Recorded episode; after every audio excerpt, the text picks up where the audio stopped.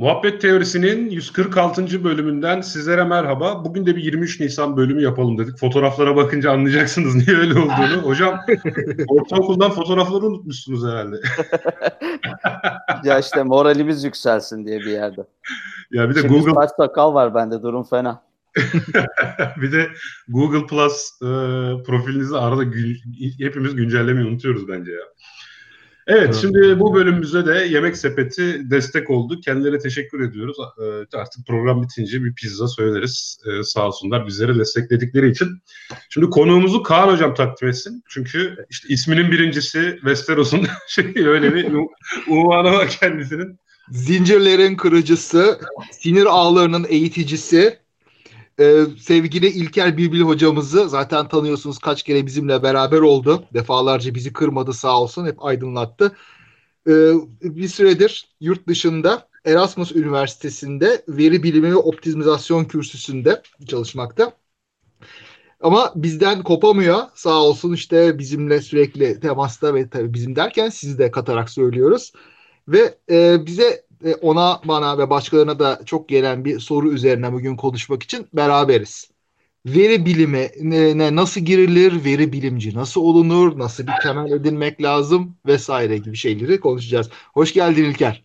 Ee, sağ olun arkadaşlar ya hoş bulduk. Ee, Hocam hoş geldin. e, herkes herhalde daha böyle akşam orada değil mi? Öyle tahmin ediyorum. İyice böyle karanlık.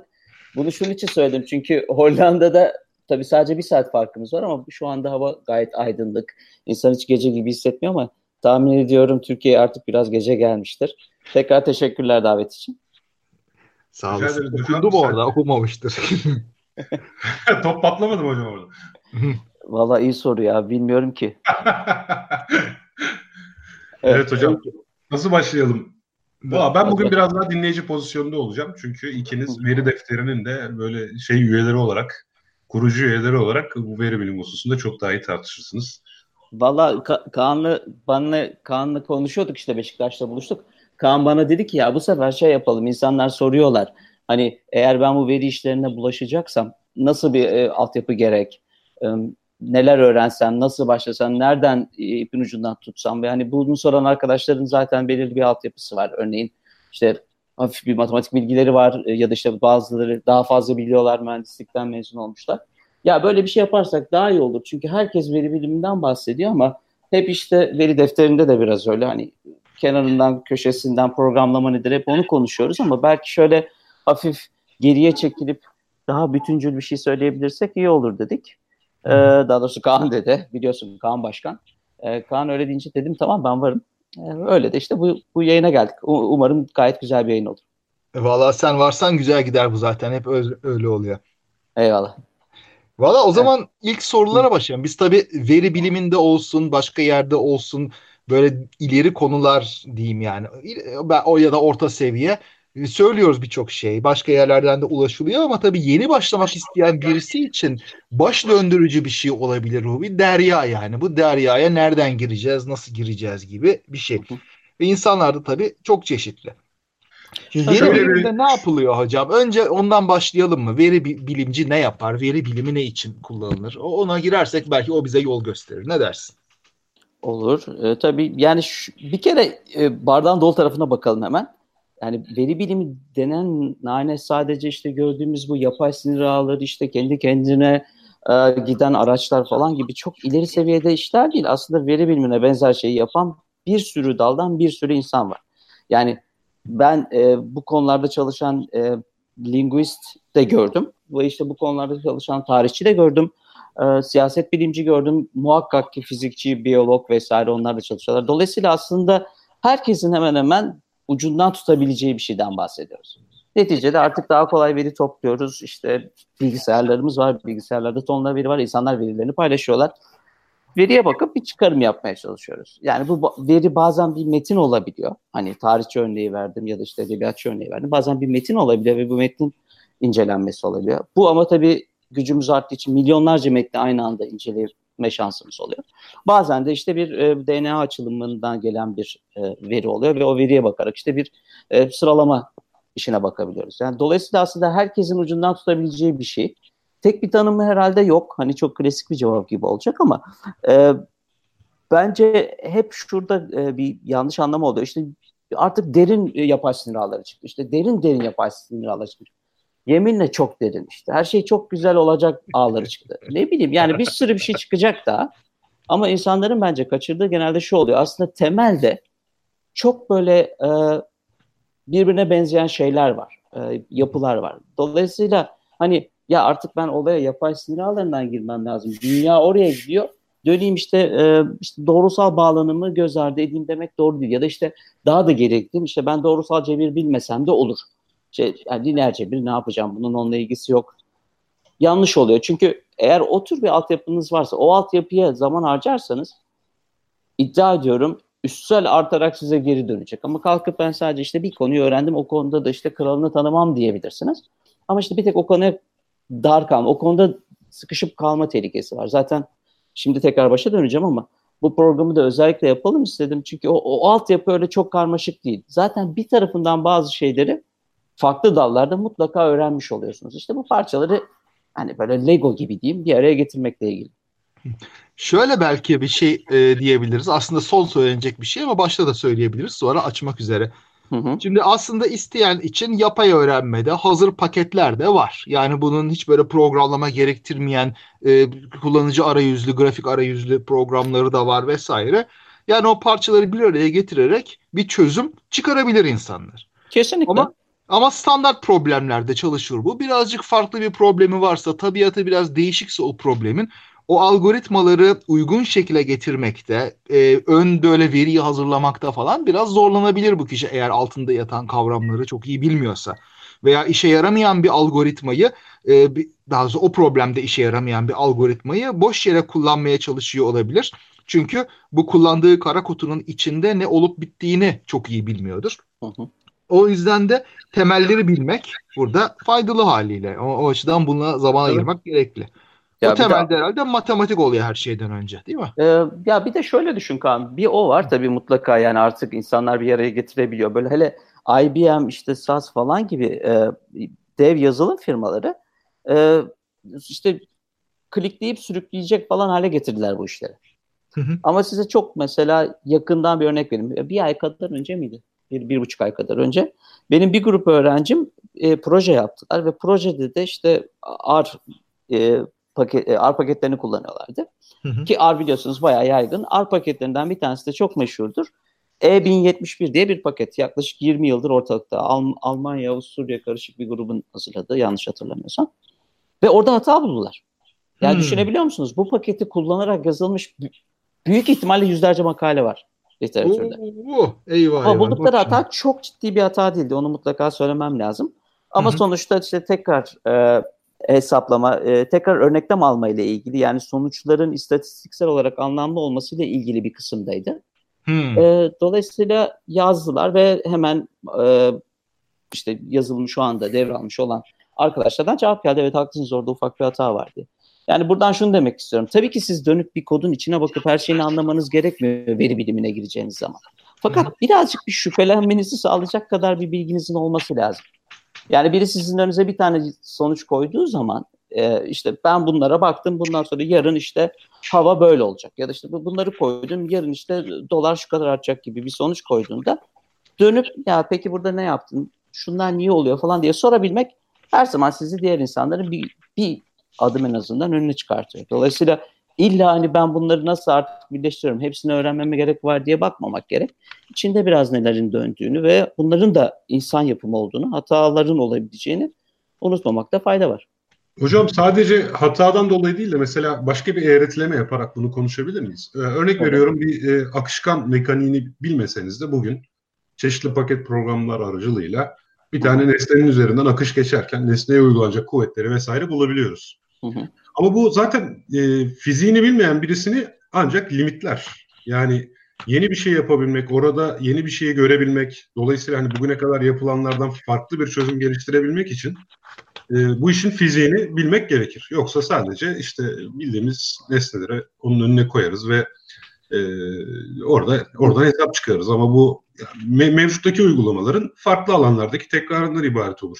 Şimdi bu örnekle beraber düşündüğümüz zaman Evet yani veri bilimini paket programlarla kullanabiliriz ama yani bu alanda hakikaten değerli bir şey yapabilmek için bu işin matematiğini bilmek durumundayız diyebilir miyiz? E, tabii bir de yani bize bize özel bir şeyler yapabilmek için. Yani Türkiye'de bu kadar insan var, bu kadar parlak beyin var. Yani bu insanlar da kendi paketlerini hazırlayabilirler, kendileri yeni algoritmalar önerebilirler.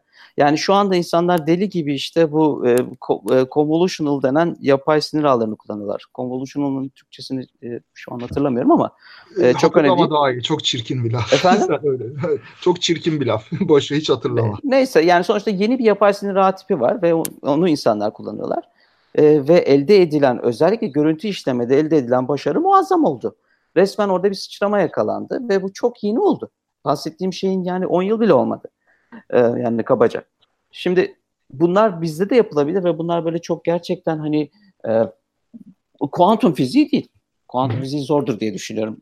Kaan beni düzeltsin ama hani demek istediğim bizler de bunları yapabiliriz. Erişimi kolay, ilk maliyetleri çok düşük falan. Hani ben gene böyle çok vatanper vatan, vatanperver şeyler söyleyeceğim ama ben gerçekten böyle olduğunu düşünüyorum. Bu konu girmek için ideal. E, kaldı ki hani şeyi örneğini düşünün. İnsan kolaya kaçmak konusunda yani daha kolayı varsa bu işin o kolaya kaçma konusunda daha teşne tabii. Yani şey cep telefonları çıktı. Ben e, Pınar'ın cep numarasını şu an ezbere bilmiyorum. Hmm. E, yani dolayısıyla daha böyle sizin hayatınızı kolaylaştıran şey olduğunda işte bunları Lego haline falan getirince bir yandan iyi bir tarafı var ama bir yandan da dönüp işte bazı şeyleri unutmanıza sebep oluyor. Yani muhakkak her şeyi biz geliştiremeyiz. Her şeyi de biz geliştirmemeliyiz ve kullanmalıyız ama sürekli bir şüphecilik iyidir. İnsanı diri tutar. Dönüp dönüp işte yaptığını bir daha kontrol etmeni sağlar. Ee, bir şeyler ters gittiğinde e, yanlış parçaları birleştirmiş olabilirsin veya gerçekten bir e, kodda hata olabilir. E, vesaire. Bunları yapabilmek için çok temel bir bilgi ve böyle dediğim gibi çok atla devede değil. Yani bugün konuşurken şimdi başladık zaten. Hani böyle en temel seviyeden daha ileri seviyede bu işleri yapmak için e, ilgilendiğim bazı kaynakları e, paylaşacağım. Zaten açık bilimden de e, takip edebilirsiniz. E, Tevfik sağ olsun oradan paylaşacak. E, bu temelleri almak o kadar güç değil ve temel güçlü olduğu zaman hani ilk başta güçlü ve zorlu bir yol kabul ediyorum ama temeliniz eğer sağlam olursa onun üstüne e, kurmak, inşa etmek daha kolay oluyor.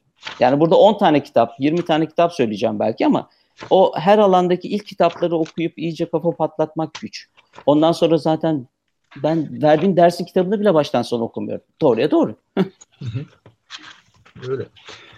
Ee, evet şeyin temeli anlamak. Yani Hı. sadece kendimizi icat etmek için değil gerçekten e, belki yapılmış bir şey yapacağız. İş hayatında olabilir mesela. E, önümüze bir problem gelecek. Hiçbir şirketin verisi, hiçbir şirketin ihtiyacı ve amaçları birbirinin aynısı değil. O yüzden hazır paketlenmiş şeyler birebir uymayacak. Ve uysa bile e, yeni bir şey yapmış olmayacaksınız hiçbir zaman. E, eğer şeyde eski paketleri e, kullanmakla kendinizi sınırlarsanız bilinen şeyleri tekrarlamış olacaksınız. Yenilik yapma ihtimali olmayacak. O yüzden her zaman ben bunu nasıl acaba geliştiririm diye sorabilmek lazım. E bunun için de biraz matematik tabii ve, ve programlama vesaire bilmek lazım. Şimdi evet. matematik derken... şey çıkıyor sanki ihtiyaca göre biraz da yani neye ihtiyacınız var ve paketler işinizi görüyor mu? Hı. Bu soru belirleyici gibi geldi bana. Tabii bir de e, bu bütün bu paketlerin bahsettiğimiz özellikle daha gelişmiş olan e, çözüm yöntemlerinde diyeyim e, oldukça fazla parametre var. Yani bu parametreler ne işe yarar konusunda bir fikri olması lazım insanın. He, insanın. Çünkü yani hepsi için e, standart o paketle beraber gel, gelen bir e, parametre kümesi var tabii ama hani o parametrelerin nasıl bir etkisi olacak? Bu parametreleri nasıl incelemeliyiz? E, işte geçen gün Kaan'a söylüyordum. Veri defterine bir yazı planı vardı aklımda. E, ben de biraz alelacele yazmış olabilirim. Kaan da dönüp bana dedi ki iyi de hocam dedi bunun hani bu elde edilmiş sonuca güvenebilir miyiz? Yani istatistiksel olarak anlamlı mıdır? O beni mesela düşündürttü. Ha, evet ya aslında şuna da bakabiliriz. Ya bunu daha da bir genel düşünelim deyip yazı yazamadım neticede ama e, ama bu bu dönüp sorgulama kısmı e, çok önemli muhakkak. Hani önünüze koyulan her e, lokmaya atlamamakta büyük fayda var. Evet. İşte mesela bir algoritmayı eğiteceğiz. Diyelim işte lineer bağlanımdan, doğrusal bağlanımdan bahsettik değil mi? Herkesin aşağı yukarı aşina olduğu bir şeydir. Nedir bu? İşte e, X ve Y'de noktalarımız var ve bunları çizdiğimiz zaman aa bunların arasından bir doğru çizgi çekebiliriz gibi gelir bize. Onu o doğru çizginin eğimi nedir? E, y eksenini kestiği yer nedir? Onu bulma problemidir doğrusal bağlanım. Ama onu Tabii. yaparken mesela e, böyle aşırı öğrenmeden nasıl kaçınırız? Bununla ilgili parametrelerin ayarı nedir? E, böyle testi vesairesini nasıl yaparız? Onunla ilgili işte üst parametreleri bilmek ve ona göre mesela bu pakete de bunları koyabilmek lazım. Pakette bunu yapıyorsak eğer bu ayarları da e, anlamak yani bu kavramları anlamak lazım ki bunları doğru şekilde yapabilirim. Doğru sonucu elde edebilirim. O yüzden matematiksel bir kavrayış bunun için de biraz gerekli. Peki e, burada kritik bir kritik bir soru sorayım. Hı hı. Paketle kastımız ne? Yani buradaki ayrım problemi ne? IBM gibi bir noktada bir noktaya sürükle bırakla yapabildiğimiz şeyleri mi kastediyoruz? Yoksa mesela Python'a bazı kütüphaneler yüklüyoruz. TensorFlow ya da e, Scikit-learn gibi. Bunları da paket olarak değerlendirerek arka planında çalışan kodlara bakmalı mıyız? Hayır. Ee, bence açık, hayır. Açık kaynağı biraz ayırmak isterim ama ben burada. Hı. Onun sebebi de şu. E, çok insan çok açıdan bakıyor. O en azından biraz olsun güvenilirliğini arttıran bir şey. Yani benim e, SAS'ta çalışan arkadaşlarım var. SAS önemli bir istatistiksel e, ne söyleyeyim bir yazılım, e, bir sürü istatistiksel paketi var. E, orada 3-5 kişi çalışırken işte scikit-learn örneğini verdi. Scikit-learn'e 1000 kişi bakıyor. E, dolayısıyla dönüp kodu değiştirmek, kodla ilgili bir şeye bakmak, kodda bir şeyden şüphelenmek mümkün. Yani herkesin ortasına bir şeyi atabilmek ve e, için zaten insan iki kere daha dikkatli oluyor. Zaten çok daha fazla filtrelerden geçmiş olduğunu yani çok daha fazla kişinin gözden geçirdiğini düşünerek daha güvenilir olduğunu şey yapamaz mıyız o zaman? Yani varsayamaz evet. Yani işte biraz yazılıma bağlı. Çok genellemek istemedim. Aslında o açığı sen de yakaladın. Çünkü tabii ki çok profesyonel firmalar, yazılım firmaları bir sürü test süreçlerinden geçiriyorlardır eminim. Dolayısıyla onlara laf etmek istemiyorum ama öte yandan açık kaynağın büyük avantajı var muhakkak. İşte verdiğim örnek gibi. Şimdi açık kaynak olmasaydı ya burada bir sorun var. Biz böyle bir sonuç alamıyor, almamamız gerek deyip dönüp koda bakmayacaktı, hiç bakamayacaktı öğrencilerim. E, bu sizler için de geçerli. Ya bu arada veri bilim hani Kaan'ın söylediğine döneceğim ama sadece veri bilim için de değil. Yani neyi nerede kullandığını bilmek herhalde bütün e, alanlar için geçerli. Yani örnek veremiyorum cehaletimden hani öyle e, sosyal bilimlerden veremeyeceğim ama örneğin işte e, istatistik öğreniyor. Yani istatistikte insan atıyorum normal dağılımın eksi sonsuzdan artı sonsuza olduğunu bilmesi iyi bir şeydir arkadaşlar. Hani e, çünkü yani. ben bunu sim, bir şeyi simüle edeceksiniz. İşte uçak simülasyonu. Dönüp teyfiye biraz pas atayım. Onunla ilgili bir şey yapacaksınız. Ee, efendime söyleyeyim işte e, sürtünme katsayısını simüle edeceksiniz. Yani rastsal olarak bir sayı seçeceksiniz. E, normal dağılımlar seçemezsiniz. Çünkü negatif olmaz. E, çünkü eksi sonsuzdan altı sonsuzu olan bir dağılım. Negatif değerler gelebilir. Yani bu bize çok basit geliyor. Fakat ben öğrencilerimde, başka insanlarda, endüstriden insanlarda böyle çok temel yani hiç veri bilimi falan çok ötesinde çok gelişmiş şeylerden bahsediyorum. Çok temel şeylerde e, tufaya geldiklerini gördüm. Abi mutlak değer alırız hemen ya ne olacak? Ha tabii. şey, eksi Öyle şey, etok, etok çözümlere çok sık başvuruluyoruz tabii. Yani o Sağ gerçekten. kaydırırız biraz. Şeyde tabii istatistik aslında işte çok mühim orada ad hoc çözüm yaptığında böyle hiç aklına gelmedik biaslar çıktığını ancak kafanı duvara vurunca öğreniyorsun. Çok ee, bir bakış açısı gerektiriyor. Öğrenmek de biraz vakit alıyor. O yüzden belki öğrenilmesi gereken ikinci matematik alanı olarak e, istatistiği belki koyalım ortaya. Hı hı. İyi anlaşılması gereken bir şey bu. Ee, yani kesinlikle. veriye bakacak birisi, veri bilimci işte e, şeye özet şeyleri anlamalı. İşte standart sapma, ondan sonra kuartiller, işte çeyrekler vesaireler ve Hı. hipotez testi gibi şeyleri anlamalı. Hı. Zaman serisi analizi anlamalı. Bunlar işte çünkü sürekli olarak karşımıza çıkan şeyler. Peki, Burada ve tabii işe yarayan şeyler. Tabii genel biraz tabii kullanıyoruz değil mi? Ak- sadece akademide değil.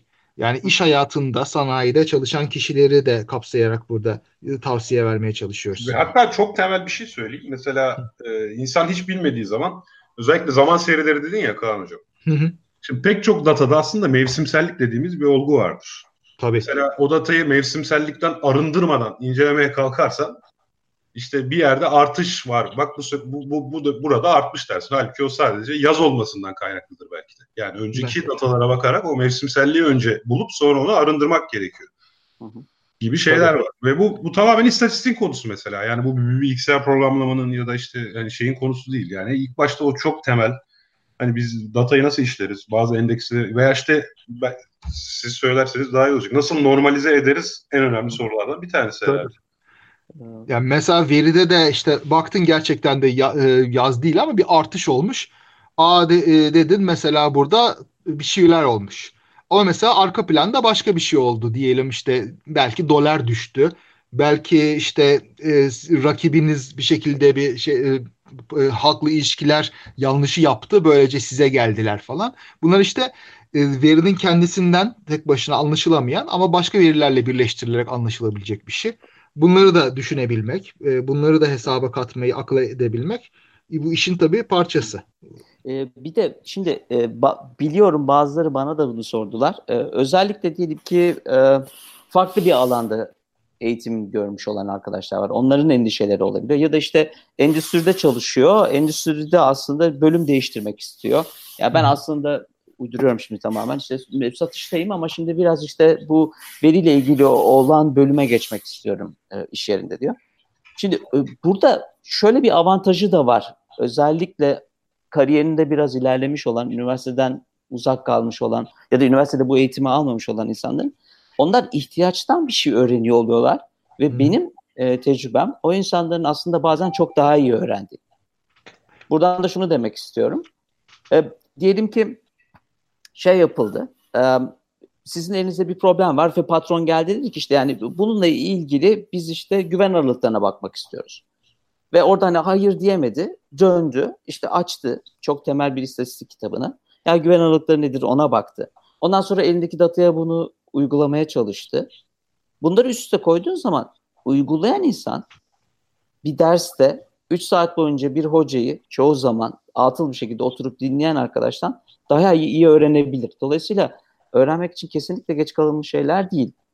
Mesela bugün işte e, aklımda olan bir kitap vardı. Şimdi aslında bir yandan da bizim Tevfik'e de göndereyim. Belki onu e, göndermek ister. E, tarihler falan yanlış olabilir arkadaşlar. Bunlar biraz kafamdan yazdığım şeyler. Mesela e, istatistiğe başlamak için bir kitap var. Ki istatistik çok önemli. Hele ben şimdi artık istatistikçilerin arasındayım yeni bölümde. Onlar her şeyden önemli olduğunu düşünüyorlar. Hatta işte veri bilimin zaten %97'si istatistik falan diyorlar. Ee, mesela bu kitap, demin gönderdiğim kitap gayet uygulamalarıyla kalınca bir kitap ama böyle lise öğrencileri için hazırlanmış diye anlatıyorlar. Fakat içine baktım gayet güzel üniversite seviyesinde sıfırdan data nedir, örneklem almak ne demek, e çok olunca ne yapıyoruz, az olunca ne yapıyoruz? Bir tek ortalamaya baksak niye çok ciddi bir sonuç elde edemeyiz? Ortalamanın, ortalamanın yanı sıra bir dağılıma da biraz bakmak lazım. Güncel örneklerle veriyor. Evet İngilizce olacak kaynakların çoğu maalesef ama e, bu, bu tür kaynaklar artık ibadullah. Bunların arasından böyle bir kendinize patika çizebilirseniz ben kafamda olanı şimdi e, buradan bir yandan göndereceğim. E, bunlar artık çok kolay erişilebilir. Yani benim istatistik aldığım dönemde hoca bir şeyler tahtaya yazıyordu. Biz de onları deftere geçiriyorduk. Yani ben not tutmuyordum ama hani her neyse işte sonuçta sınava hazırlanıyordum. Bir şey yapıyordum. E, oradan şimdiki durum direkt bilgisayarı açıyorsunuz. Bir sürü data seti var internette bulabileceğiniz ya da zaten bu tür kitaplar size söylüyorlar. Şu data setini indiriyorsun. O data seti üzerinde oynayarak deniyorsun. Ee, çok avantajlı. Ya bu demin gönderdiğim kitap e, yazarlarından birisi de e, bir Türk arkadaş. Mine Çetinkaya Rundal. E, gayet iyi bir kitap yazmışlar ve sürekli güncelliyorlar ve bildiğim kadarıyla da ücretsiz. Yani e, bizim Tevfik'in kitabı gibi e, o alıyorsunuz kitabı isterseniz ödüyorsunuz. E, onun, bunun ötesinde e, çok gelen konulardan bir tanesi, sorulardan bir tanesi işte programlama ne kadar bilmeliyiz? Hı. Şimdi biraz e, Kaan sen de söyledin. Hı. Veri bilimiyle ne yapacağınıza da bağlı. Ya ben oturacağım bir tane yapay sinir ağı yazacağım diyorsanız e tabii ki iyi miktarda kodlama bilmeniz gerekiyor, programlama. Hı. Ben bugün ha desem mesela bir yapay sinir yazamam. Programlama Hı. fena bilmediğimi düşünüyorum ama yani o kadar gelişti ki özellikle daha hızlı diller, C++ gibi diller ben bunu yapamam. Zaten büyük bir projeden bahsediyoruz. Ama Hı. öte yandan hani ben e, konuları bir miktar biliyorum. Daha çok işte veri analiziyle ilgili şeyler yapacağım. Bunda da hazır paketleri kullanacağım. Yani hazır paketler dediğim işte örneğin R paketlerini kullanacağım. R, R gayet iyi bir kaynak. Ee, işte ben Python'da bunları yapacağım. Ee, bizim Kaan zaten gayet güzel ders notları hazırladı. E, ve orada da şöyle bir şey söylemem lazım. Hani ben hep bu şimdi kitaplardan vesaireden bahsediyorum ama ge- genelde insanlar şöyle düşünüyorlar. Ben oturayım bir Python kitabı alayım ya da işte bizim kanun notlarını alayım önüme. Ondan sonra bunu satır satır satır okuyayım. Ya o bir yere kadar götürüyor insanı. Çünkü tabii ki bunları bir yandan deniyorsunuz bilgisayarda ve onun avantajı muhakkak var ama aralarda kendinize iş çıkarması lazım insanın. Onun için piyasadaki insanlar bazen daha avantajlı oluyorlar dedim. Çünkü adam mecbur patrona bir cevap verecek. Elinde de data var. Oturup mecburen öğreniyor. Şimdi e, ben de kendi şey katkımı yapayım.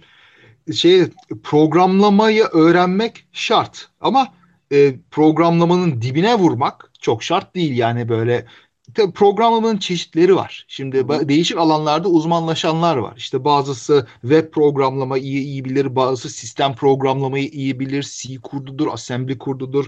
Başkası JavaScript'i çok iyi bilir bilmem ne. Veri bilimi için ya burada şu anda de facto en yaygın diller Python ve R. Python R'ı biraz solladı ama R'ın hala çok kuvvetli tarafları var. İkisini de öğrenmeye değer. Ben R'ı çok iyi bilmiyorum daha da böyle öğrenmeye çalışıyorum. Bir de gelen Julia dili var. Bu Julia dili de önümüzdeki 5 yıl içinde falan bayağı ilerleyecek. O yüzden bir, e, şimdiden biraz yatırım yapmak iyi olur tavsiyedir. Yatırım tavsiyesi. Evet. Ama asıl mesele burada matematiksel düşünmeyi kavrayabilmek. Çünkü program yazmak o kadar zor değil. Kafanızda böyle adım adım böyle algoritması şudur budur falan diye oturtursanız zaten programın çoğu önemli bir kısmı ya kafada ya kağıt üzerinde yapılır akışı anladıktan sonra onu o programın özel sintaksiyle ifade etmektir mesela. Veya kullandığınız dildeki özel araçları, kütüphane araçlarını nasıl bir araya getireceğinizi legolar gibi bulmaktır. O yapılır. Ee, onun çok göz korkutmamayacağını ümit ediyorum. O, o kadar korkmasın kimse. Ben de bu noktada şu kendi deneyimimi şöyle ifade edeyim. Ben de mesela hani geçen sene hayatıma iki yeni dil kattım. o yüzden söylüyorum. Epeydir yazıyorum da. Ya insanlar dili öğrenme, hatta bunu bildiğin İngilizce öğrenmekte de karşılaşıyor bu problemle de. Ya insanlar bir programlamayı öğrenince hani oturup hiçbir yere bakmadan bir program yazıp çıkartabileceklerini düşünüyorlar. Aslında hepimiz Google'da arayıp ya şu nasıl yapılıyordu diye atıyorum Stack Overflow gibi sitelerde yardım alıyoruz. Yani programlama dili bilmek baştan aşağı oturup tek başına hiçbir yere bakmadan ee, yani bu değil. İnsanlar bunu yaptıkları için öğrenemediklerini düşünüp motivasyonlarını yitiriyorlar. Ya zaten bu uygulaya uygulaya oluyor. Yani oraya bakıyoruz bu adam nasıl yapmış diye. Yani oradan öğreniyoruz. Ha bunu 3-5 kere yapınca artık bakmaz hale geliyoruz falan. Ben de bunun önemli olduğunu düşünüyorum. Çünkü çok kişi ya ben programlamayı öğrenemiyorum. Niye? Ya işte aklıma gelmiyor. Ya gelmiyorsa Google'la. Yani şey değil. Ee, belki bunu da söylemekte fayda var. Kimse Mesela bunu şahısın abicim. Abuk sabuk kendine işler çıkarıyorsun işte.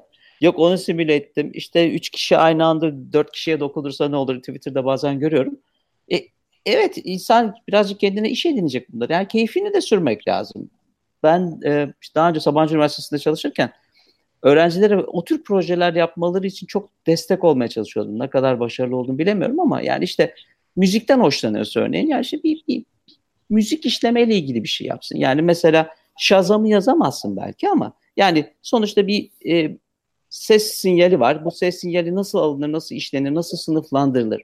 Bununla ilgili bir şey yaptığım zaman bir kere çok hoşuna giden bir şey. Zaten hobisi arkadaşım ve oturup o zaman daha iyi öğreniyor. Yani senin de o tür şeyler yaptığını biliyorum. Hani daha böyle davranış bilimiyle ilgili şeylerden hoşlandığın için e, onları deniyorsun. Bu tür biraz iş çıkarmak iyi. Ama tekrar şeye dönersek de hani bir tek tabii bunu ben aslında hiç bu alanlardan değilim diyenler değil. Bir de aramızda tabii e, ya mühendislik altyapısı olan, matematik altyapısı daha güçlü olan işte fizikçiler, efendim e, ondan sonra optimizasyoncular var, endüstri mühendisleri var. E, bunlar da bu konulara girmek istiyorlar. Aslında orada da yol çok karmaşık değil. Kaan biraz ona değindi. Ya bir kere olmazsa olmazlardan bir tanesi lineer cebir. Bazen bana hocam tek bir tane kitap söyler misiniz diye yazan arkadaşlar oluyor. Bir kere Twitter'da da galiba paylaşmıştım. Tek bir kitap söylesem e, Karl Mayer'in kitabını söylerim. Şimdi gönderdim sana. Tamam dedik. paylaşıyorum ben de. Ee, ya bu kitap hani bu kitabı ben baştan sona yuttum diyen adam veri biliminde zorlanacağı pek bir şey olmaz. Ama kolay çok kolay bir kitap değil. Ee, lineerce bir kitabı.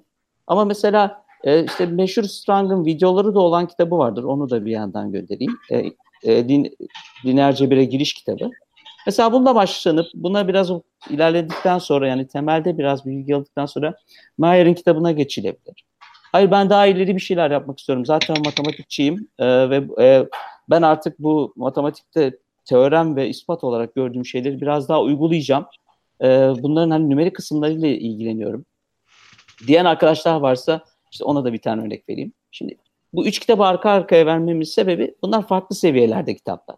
Ama özetle lineer bir bilinmesi gereken bir konu. Çünkü hep bir yaptığımız işler matris çevirileri. Vektörleri alıp matrislerle çarpıyoruz. Hatta bizim bahsettiğimiz bu işte karmaşık e, yapay sinir ağları vesaire özetle dönüp dolaşıp buna geliyor. Matris çeviri kullanıyoruz. Hani sayıları çarpmıyoruz da işte matrisleri birbirine çarpıyoruz. İşte bir matrisle vektörü çarpıyoruz.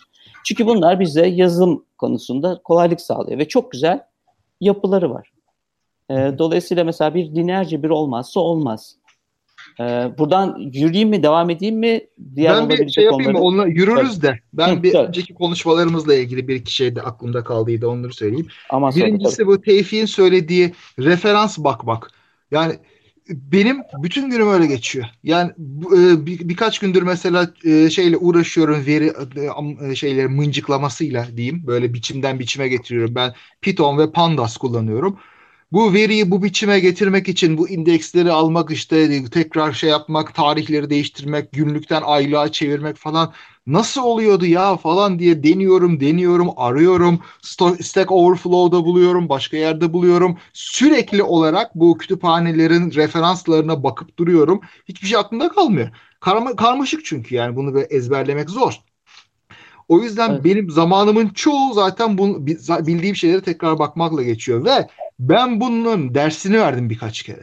Yani ne yapayım? Bu benim aptallığım da olabilir ama kalmıyor akılda yani yapacak bir benim şey yok. Benim de kalmıyor. İkincisi bu problemlerle ilerlemek meselesi o kadar önemli ki. Yani e, bu konuda senin söylediğin bir şeye itiraz edeceğim. Sen problemlerle ilerleyenler kitaptan çalışanlardan daha iyi olabilir dedin. Ben kesinlikle olur diyorum. O kadar. Evet evet. Yani şöyle e, problemle ilerlediğinde insanın bir amacı oluyor. Ben bunu çözeceğim diye uğraşıyor. Dikkati o zaman daha kolay toplanıyor. Kitap okurken yani ben bunu niye okuyorum hep geliyor insan. Hayatımız kitap okumakla geçti ama hepimizde olan bir şey bu. Eğer bilmiyorsak ne için uğraşacağımızı e, bunu niye öğreniyorum ben? İşte e, öz vektör bulmayı niye öğreniyorum? İşte natris dekompozisyonu niye öğreniyorum? Transformasyonları niye öğreniyorum? Ama gerçek bir problem olduğunda bunları öğrenmek çok daha kolay oluyor. Çünkü belli bir yere oturtuyoruz.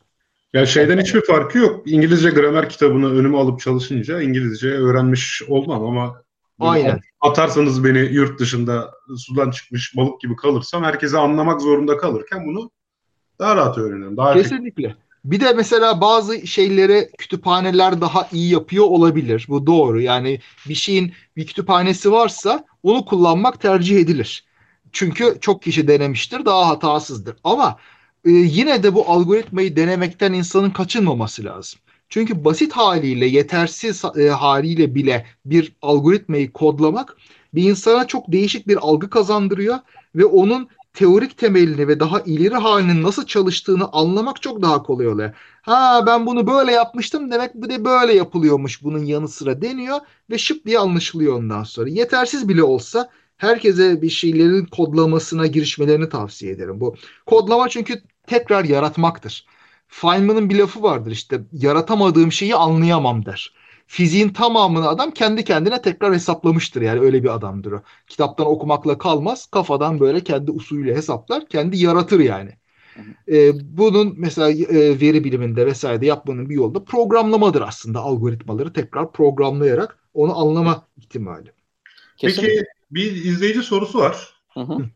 E, Çiğdem Özkan demiş ki merhaba hocam veri gazeteciliği üzerine çalışmak istiyorum ama söylediğiniz matematik bilmeyen ekiptenim demiş. Ha, güzel yani, bak değişik gruplar evet. için değişik Çok güzel. temeller için de değişik fikirler vermeniz lazım aslında. Evet. Yani, ne dersin? Hı hı. Veri gazeteciliği. Vallahi ben de çok yapmak isterdim ya. Çok güzel bir alan çünkü. Yani e, gerçekten çok merak ediyorum. Hatta bir ara sanırım Bülent Muma ile de yazışmıştık. Ya o zaman hani Cumhuriyet'in bu son olaylardan önceki zamanı Bülent Mumay da oradaydı. Ya elinizde İbadullah bir veri var. Ya bunları açsanız bir şeyler yapılır mı yapılmaz mı falan. E, o zaman her şey yetişemiyordu. E, öyle cevap vermişti bana. E, veri gazeteciliği çok heyecan verici bir alan. Çok geç kalındığını düşünüyorum Türkiye'de. Fakat hiç kimse hiçbir şey yapmıyor demek büyük haksızlık olur. E, işte Kadir Aslan, e, Pınar Dağ hoca var. E, çok uğraşıyor bunu yaygınlaştırmak için. Buna meraklı olan insanlar var. E, UMAK e, grubu yani Özgün Mumcu Aybars ve o, e, o, o grup, Ankara'daki grup bu konuya biraz eğilmek istediklerini biliyorum. Yani insanlar bir şeyler yapmak istiyorlar. Soruya geri dönersem de e, benim buradaki ilk tavsiye edeceğim şey ufaktan programlamayla ilgili şeylere başlamak. Yani burada bahsettiğimiz artık veri analizine girmeden önce ya işte bir tane elimizde bir gazetenin küpüründeki işte metni aldık. İşte bunu bir tekst dosya olarak elimize aldık. İçindeki işte amaları sayacağım. Yani bu tür işleri yapabiliyor olmakta büyük fayda var. Bu birincisi. İkincisi ki bu konularda veri gazeteciliğinde özellikle e, gazeteci arkadaşların daha da etkin olabileceklerini düşünüyorum. E, görselleştirmek bir haberi. Ama Hı. ilk başta yapılacak şey işte bahsettiğim amaları sayıp işte x, y ekseninde bir e, figür de çizebilirler. İlk başta böyle başlayabilir. Daha sonra bunların hareketli olması olabilir. Efendim mesela onu da öteye götürüp arkasına işte bir harita eklemek olabilir. Adım adım ufak ufak deneyerek aslında bayağı yol alabilirler. Bu onları en azından şey hazırlar. Ya demek ki bu dünya biraz bunların etrafında dönüyor. Bir de cesaretlenirler. Şimdi hocam orada ama yani veri görselleştirme ile veri gazeteciliğini belki biraz birbirinden ayırmak lazım. Doğru. Yani şimdi e, veri gazeteciliği yapmak yani bir datadan anlam çıkarmakla hani onu işte öyle hareketli dolayısıyla işte e, okur için yani hani gazete okuru için değil. E, onu görselleştirip estetik hale getirmek hani birbirinden farklı. O ikinci kısım daha çok göz korkutabilir. Açıkçası benim hep mesela gözümü korkutan taraf o görselleştirme. Yani tıklayınca yeni bilgilerin gelmesi. Yani frontend dediğimiz, frontend dediğimiz kısım zorluyor yani. Ama onu onun için şey dedim yani böyle 3-5 tane adım koyması lazım insanın önüne. Hani ilk yapacağım şey amaları sayacağım metnin içinde. İkincisi bunları çok basit bir grafiğe getireceğim. Üçüncüsü bu grafiğin arkasına bir de resim ekleyeceğim. Belki yani çok ileriki adımda olabilir. Fakat bu tür şeyleri yapabilmek insanları en azından ısıtıyor. Bir de o bir kırılamayan bir e, bariyer var. Genel diyeceğim lütfen kızmasınlar bana ama sosyal bilimci arkadaşlarda öyle bir bariyer oluyor. Yani ya bilgisayarın başında işte pizza yiyip oturan e, uzun saçlı adamlardan biri mi olacağım gibi falan bir böyle abidik gubidik bir korkular oluyor. Hiç öyle bir şey değil. Yani oynamayla ilgili bir şey. Enteresan bir bakış açısı. Bir diğer şey e, benim mesela bir iki kere yaptım ve çok keyifli de buldum. Bilen biriyle birlikte bir şey yapmak da aslında iyi bir başlangıç oluyor. Şunu kastediyorum. Bu örneği başka birine daha vermiştim sanırım. Dünyadaki işte göçlerden bahsedilecek. Yani ama şu an bahsettiğimiz geçişte son 50 yılda hangi ülkelerde insanlar nereden nereye geçmişler? Diyelim ki bununla ilgili Birleşmiş Milletler'in bir verisi var. Ve bir arkadaş da, e, bir gazeteci arkadaş da bu veriyi alıp kendi yazacağı metnin içinde yorumlamak istiyor. O zaman biraz veri biliminden anlayan, biraz istatistikten anlayan e, biriyle bir araya gelmesi de çok öğretici olabilir. Bunlar dediğim gibi hepsi bu işe heyecanlanmak, kendine güveni gelmesi için yapılacaklar. Ama ondan sonra dönüp e, eğer daha bunun ötesinde ben bu verinin analiziyle ilgili bir şey yapacağım. Aslında bu datayı inceleyeceğim ve bu datanın güvenilirliğiyle ilgili bir şeyler söyleyeceğim gibi kısımlara da bakmaya karar verdikleri zaman e, hiç ürkmesinler. Bir sürü e, online e, ders de var. E, ayrıca benim işte verdiğim böyle basit, demin bahsettiğim kitap liseler içinde düşünürseniz onun için bir üniversite eğitimine de gerek yok. E, o tür kitapları ufak ufak bakabilirler. E, ve Tevfik senin dediğin gibi hani bir şeye takıldılar sorusunun cevabını bilmiyorlar. Yani Stack Exchange gibi Math Exchange, Stat Exchange bir sürü şey var. Orada da her türlü soru insanlar soruyorlar. İki maddesi nasıl çarparım sorusu e, birçok e, bu yayını dinleyen işte mühendis için basit olabilir. Ee, ama bir sosyal bilimci bunu hiç görmemiş olabilir örneğin. Ama bunun cevabı var. Orada hazır bunlar ve örnekleriyle gayet güzel anlatılmış şekilde. Abi bölüyorum. İki matrisi nasıl çarparımı ben de soruyorum. Çünkü bir sürü dille uğraştığın zaman syntax'ini bilmediğin için baya baya işte iki, iki matrisi işte e, R'da nasıl çarparım sorusu gerçekten önemli bir soru ve hep orada onların cevapları var. Hatta belki iki değişkenin nasıl toplarımın bile vardır. Çünkü evet. işte syntax'e göre bazen değişiklik gösterebiliyor. İşte elle, ben... elle çarpmayı bile. ben kastettim elle çarpmaydı ama. Ya işte iki stringi nasıl kınkenteyt ederim. Bütün şeylerde farklı neredeyse yani. Bir, birinde arasına nokta koyuyorsun, birinde artı koyuyorsun. Dolayısıyla bu soruların cevapları evet var. Çünkü insanlar bir dilde bunu bilseler de başka bir dilde bilmedikleri için çok basit şeyleri de soruyorlar ve diğer insanlar da mutlaka yanıt veriyorlar. Veriyor. Ee, bir de e, şimdi kaynaklar artıyor. E, şimdi e, Bayezci istatistik denen bir konu var. E, çok da şıkır şıkır bir konu. E, o konuyla ilgili yazılmış kitaplar vardır. Bir sürü kitap var. Yani çok eskilerden beri bilinen bir konu. Bayez, Bayezci istatistik. E, bir, mesela bir tane kitap var. E, geçenlerde kurcalıyordum. Buraya da aldım. Aslında e, onu birazdan söylerim. E, şeyler için, hackerlar için Bayez metotları diye. E, şimdi ona bakıldınca o kitaba kitapta birebir bizim söylediğimizi yapmış. Örneklerle başlamış. Yani diyelim ki elimizde e, şeyler var, e, şifreler var. Bir grup şifre var. E çünkü zaten hackerlar bu tür şeylerle uğraşıyor. Ben bu şifreleri alıp bununla ilgili bir çıkarım yapabilir miyim diye başlayıp yazılmış bir kitap da var. Demek ki yani bu, bu konularda ben hepsini sırasıyla öğreneceğim yerine böyle ortasından bir dalmak lazım. Dönüp bazı kitaplara bakmak, dönüp işte şu kaynakları sormak, insanlara sormak, e, senin söylediğin gibi online aramak. Bunların hepsi e, gayet mümkün. Gene hep başlangıç seviyesinden bahsediyoruz tabii. Bir de bu işleri bilen, ben bunu daha da ilerletmek istiyorum. Yani benim, e, ben bu konuda çalışacağım diyecek arkadaşlar için de belki daha yayının sonlarına doğru bir şeyler söyleyebiliriz. Onlarla da ilgili aklımda bir iki şey var çünkü. Şimdi şey diyeyim, e, ben de bir şey ekleyebilirsem. Şimdi sosyal bilim alanından gelenlerin e, çok derin matematik tabi bilmesine lüzum olmasa da kavramları biraz anlamaları ve e, bu, bu tür matematiği bilenlerle nasıl iletişim kuracaklarını bilmeleri aslında gerekiyor. Ya oturup böyle e, hipotez testi falan yapmaları çok da gerekmeyebilir ama e, şeye temel istatistik yanılgılarından nasıl kaçınılabileceğini de düşünmeleri biraz öğrenmeleri lazım. İşte e, korelasyonla nedenselliği karıştırmamak gibi, rastgelelik nedir gibi, işte ortalama e, standart sapma nedir bu bize işte bilimsel yayınlarda verilen şeyi nasıl yorumlamak gerekir falan gibi hı hı. şeyleri biraz anlamak gerekiyor. Onun üzerine de tabii e, bir şeyler inşa edilebilir ama ne yapılacaklarına ne yapacaklarına bağlı. Sadece böyle veriyle çalışan insanların sonuçlarını halkla paylaşmak mıdır? Mesela veri gazeteciliği yoksa kendisi de veriyi böyle incelemek, kollarını sıvayıp incelemekse e, o zaman programlama ve biraz algoritma bilgisi illaki gerekecektir. Herkesin tabii farklı rolleri olabiliyor bu veri bilimi içinde. Yani kendisi Herkesin yapmasa da pardon lafını kestim hocam ama hani kendisi yani bitiriyordum. Herkes benimsediği role göre tabii farklı öncelikler e, seçecektir. Ya kendisi yapmasa bile o, o soruları sorabilmek de önemli. Yani e, kalkıp işte e, efendime söyleyeyim e, bu ortalama alma yanlı mıdır teoremi yani ya da bunu ispatlamakla uğraşmasın mutlaka ama kafasında yanlılık diye bir şey olması önemli. Ya da işte elimde böyle bir ya ben böyle bir sonuç aldım ama bu sonuç bildiğim kadarıyla bir tek bu sonuca bakamam. Bu sonuçtan birkaç tane olsa bunların en azından bir güven aralığından bahsedebilirim. Yani çok temel istatistik şeyleri, matematik bilgileri olmasa da bakıp öğrenebilecekleri e, kaynaklar olduğunu düşünüyorum. Yani bu istatistik için böyle. E, eğer daha farklı bir konuya gireceklerse yani yapacakları şey programlama ile ilgiliyse mesela kullanılan algoritmanın ne yaptığıyla ilgili bir şeyler bilmeleri aslında son derece faydalı. E, o zaman en azından biriyle çalışırken dönüp daha kurcalayıcı sorular sorabilirler. Böylelikle iki taraf birbirini daha kolay kontrol edebilir.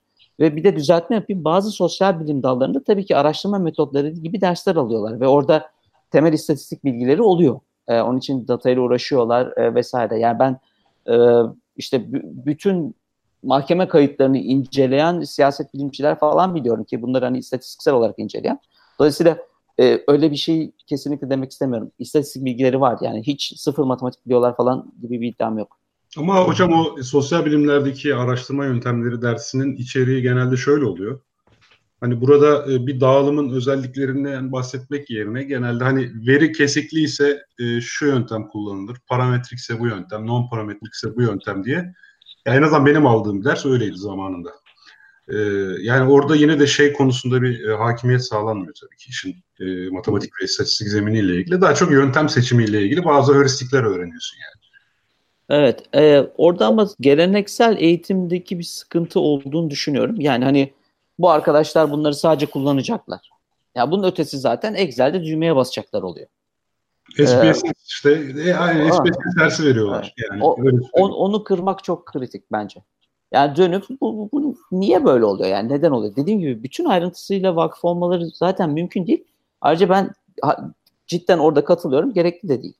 Onun için bir arada çalışmak, bir arada çalışabilecek projelere e, kendini insanı sokmaya çalışması da çok önemli. Yani biz burada belki daha böyle burada didaktik bir liste var bir yerde şimdi. Daha sonra Twitter'dan da paylaşacağım.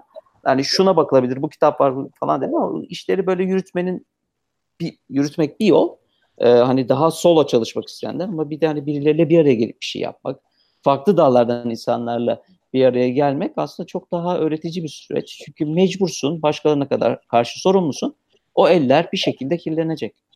Evet. Ben de aslında ona e, onu söyleyecektim. Kitaplar burada tavsiye edip duruyoruz falan ama yani ger- gerçeği de söyleyelim. Baştan sona bir kitap hele matematik kitabı okunup öğrenilemez. Yani o, olmuyor.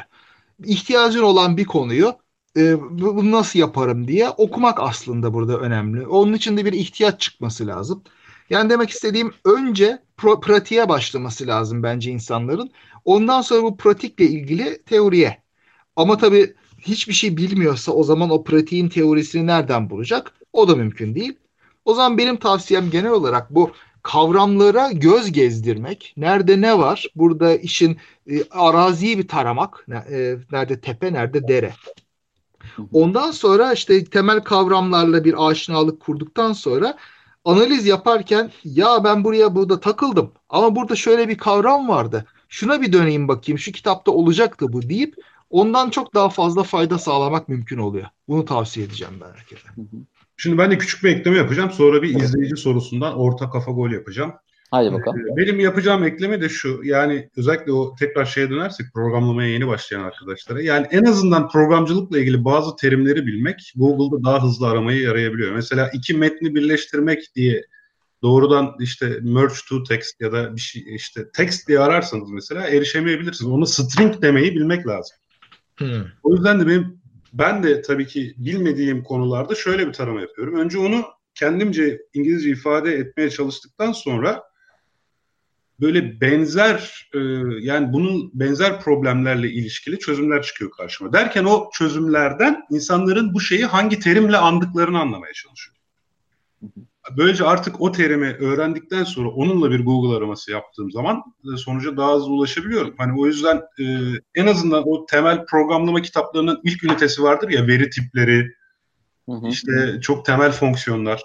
Evet o kısımları kitaptan bakmak faydalı. Doğrudan pratiğe atlamak değil de yani sadece oradaki lingoyu öğrenebilmek için önemli olduğunu düşünüyorum.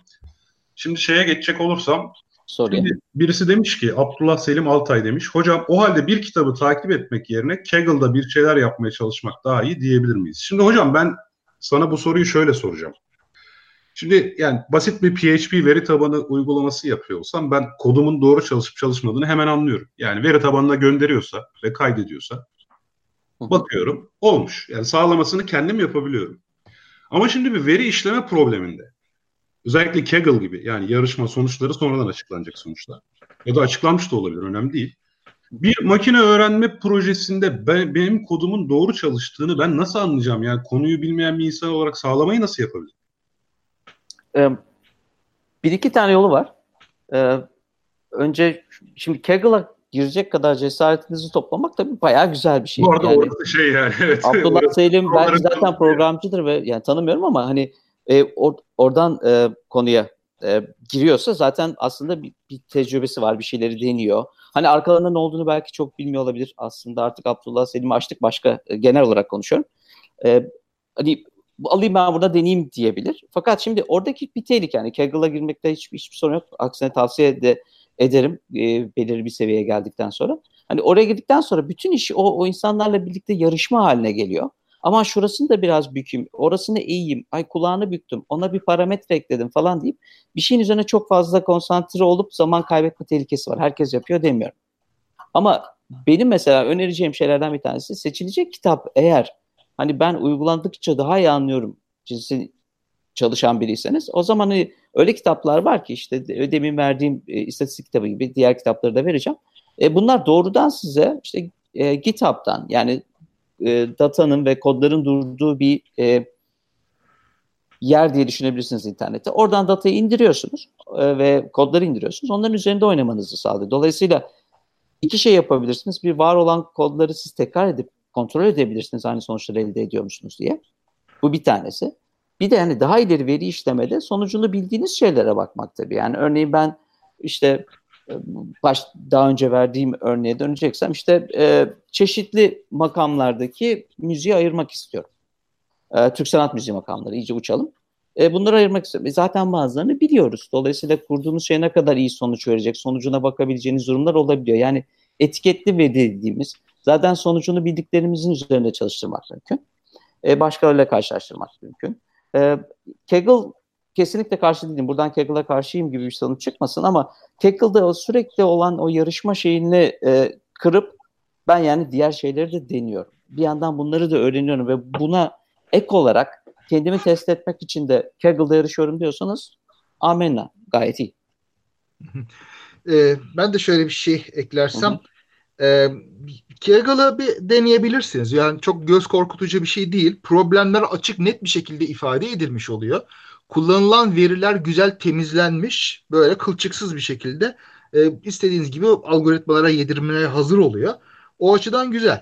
E, ve yarışma ortamı aslında bir e, kamçılama da yaratabilir. Yani bir şey hızlı bir şekilde ben bunu yapayım gibi bir hoş durum da yaratabilir e, şeyini karakterinize göre. O yüzden bir denemeye değer bence. Çok e, korkmayın. Ba, ba, bir de yani şampiyon olmanız gerekmiyor Kaggle'da. Girmek de burada önemli. Bir algoritma üretmek, bir yere varmak önemli.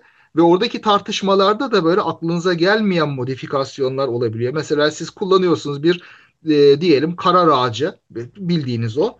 Ondan sonra birisi diyor ki işte rastgele ormanları kullandım ben böyle çıktı. Aa bu neymiş diyorsunuz. Aa iyi ben bunun üzerine bunu kurayım. Ondan sonra başka birisi de diyor ki işte HDHD yöntemini de kullandım bunun üzerine. Orada daha önce bir şey yapmış olduğunuz için bu HDHD yöntemi biraz daha fazla şey ifade edebiliyor size. Demin dediğim gibi böyle basit bile olsa bir şey yapma açısından bunlar faydalı. Ee, şey sorusu da vardı bir Yine Çiğdem Hanım, Çiğdem Özkan. Sosyal Abi ona geçmeden, ona geçmeden Tabii. ama ben şu soruya yanıt al- alamadım hala.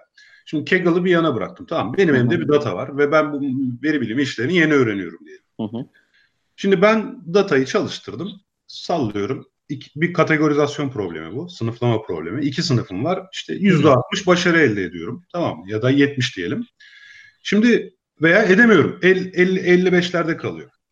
Şimdi ben acaba kodu mu yanlış yazdım? Yoksa bu datadan bir şey çıkmıyor mu? Yani ben kodu burada doğru yazdığımı, doğru yöntemi kullandığımı sağlamasını nasıl yapabilir, nasıl anlayabilirim? Hı hı. Yani şimdi evet. ben Kaggle'a da baksam aynı sonuçla karşılaşacağım. Ya tamam ben bir yöntem denedim, bir sonuç elde ettim ama yani ben burada bir hata yaptım mı? Yoksa yani yanlış şey mi kullanıyorum, yoksa kodu mu yanlış yazdım? Yani Hani az önce dediğim gibi bir veri tabanı uygulamasında olay basit. Bir kod yazdım. Baktım ha veri tabanına geçmiş. Demek ki ben bu işi doğru yaptım diyebilirim ama sonucunu bilmediğim bu gibi şeylerde nasıl yapacağım bu sağlamayı? Ee, sonuçta %60, %70 başarı gibi bir durumdan bahsedildiğine göre zaten herhalde elimizde sonucun kalitesini ölçebileceğimiz bir performans ölçütü var. Ee, burada yapılabilecek şeylerden bir, bir tanesi hani ben kendim kodu yazdım ve bu kodla işte bir sonuç aldım. E, hazır paketlerden bazıları denenebilir. Yani zaten hazır paketleri kullanıyorsanız bu hazır paketleri işte e, deminki şeyde e, kümeleme problemiydi ama işte kümeleme problemini çözmek için farklı yöntemler var. E, bir işte kendi yazdığın kod olabilir. Bir de işte diğer hazır olan paketler denenebilir. Bunlarla karşılaştırılabilir. Fakat işte o başta verdiğim örnek gibi bu, bu kodların içlerinde de ufak tefek hatalar olabiliyor. Yani ya, siz de yazdığınız zaman hata olabilir bir miktar. Yani bu çok normal. Hatta yaptıkça dönüp düzeltilip işte bütün o buglardan kurtarmaya çalışıyorlar insanlar kodları. Yani oradaki amaç benim sonuçlarım ne kadar iyi, istatistiksel olarak bunun anlamlı mı bakmak ayrı bir şey. Bir de dönüp benim programım doğru mu, doğru mu yazıyorum, hızlı mı yazıyorum gibi. Gerçekten programcı gözüyle e, soruna bakmak var. Orada da hali hazırda olan açık kaynaklı kodlar, e, farklı paketler, R'ından Python'la, efendim söyleyeyim başka dillerde e, denenip karşılaştırma yapılabilir. Tamam. Ben peki. de ekleyebilirsem Tevfik'cim. Ya tamam. senin sorduğun herhalde yani şey değil. Aslında güdümlü öğrenme yapıyoruz. Doğruları biliyoruz da doğru yaptığımızı nasıl anlarız sorusundan ziyade ben bu başarıyı nasıl arttırırım? Yani acaba doğru yöntemi mi kullanıyorum başarıyı arttırmak için sorusunu arıyorsun yani. Yok yok ben yeni öğrenen birisi için dedim. Yani şöyle küçük bir örnek anlatayım. Ben e, bir çalışmam için Man with U testi yapıyordum bir şey üzerinde. İşte ben o çalışmamı tamamladım. Sonuçlarımı bir kenara not ettim. Sonra bir gün dedim ki ya bu kodu tamamen Python'da yazabilir miyim acaba? Sonra aynı kodu Python'da yazdım. Hani geliştirmeye ihtiyacım vardı. Bir baktım Man with New sonuçları Python'da farklı çıkıyor. Hmm. Yani şimdi hatta kendi kendime dedim ki ya bu hani testin doğasında burada hani hesaba katmadığım ne var acaba? Yani hani burada default alınan bir değer var. Bir dil başka default oluyor. Bir dil başka mı default oluyor falan gibi. Ha sonra yani bir şekilde e, ikinci yazdığım kodun hatalı olduğunu anladım. Ayrı mesele de. Mesela bu karşılaştırma olmasaydı ve birinci yazdığım kod hatalı olsaydı mesela bu çalışmanın sonucu yanlış olacaktı. Dolayısıyla burada şeyi anlamaya çalışıyorum. Hani yeni başlamış birisi bir, bir kod yazıyor. Tamam buradan da bir sonuç elde ediyor. Fakat hani burada pratik olarak ben acaba doğru şey mi yapıyorum? Datayı doğru şekilde mi alıyorum? Artık bilemiyorum o kısmı. Yani bunu sağlama bunu sağlaması nasıl yapılabilir olarak genel bir soru olarak sormak istemiştim yani.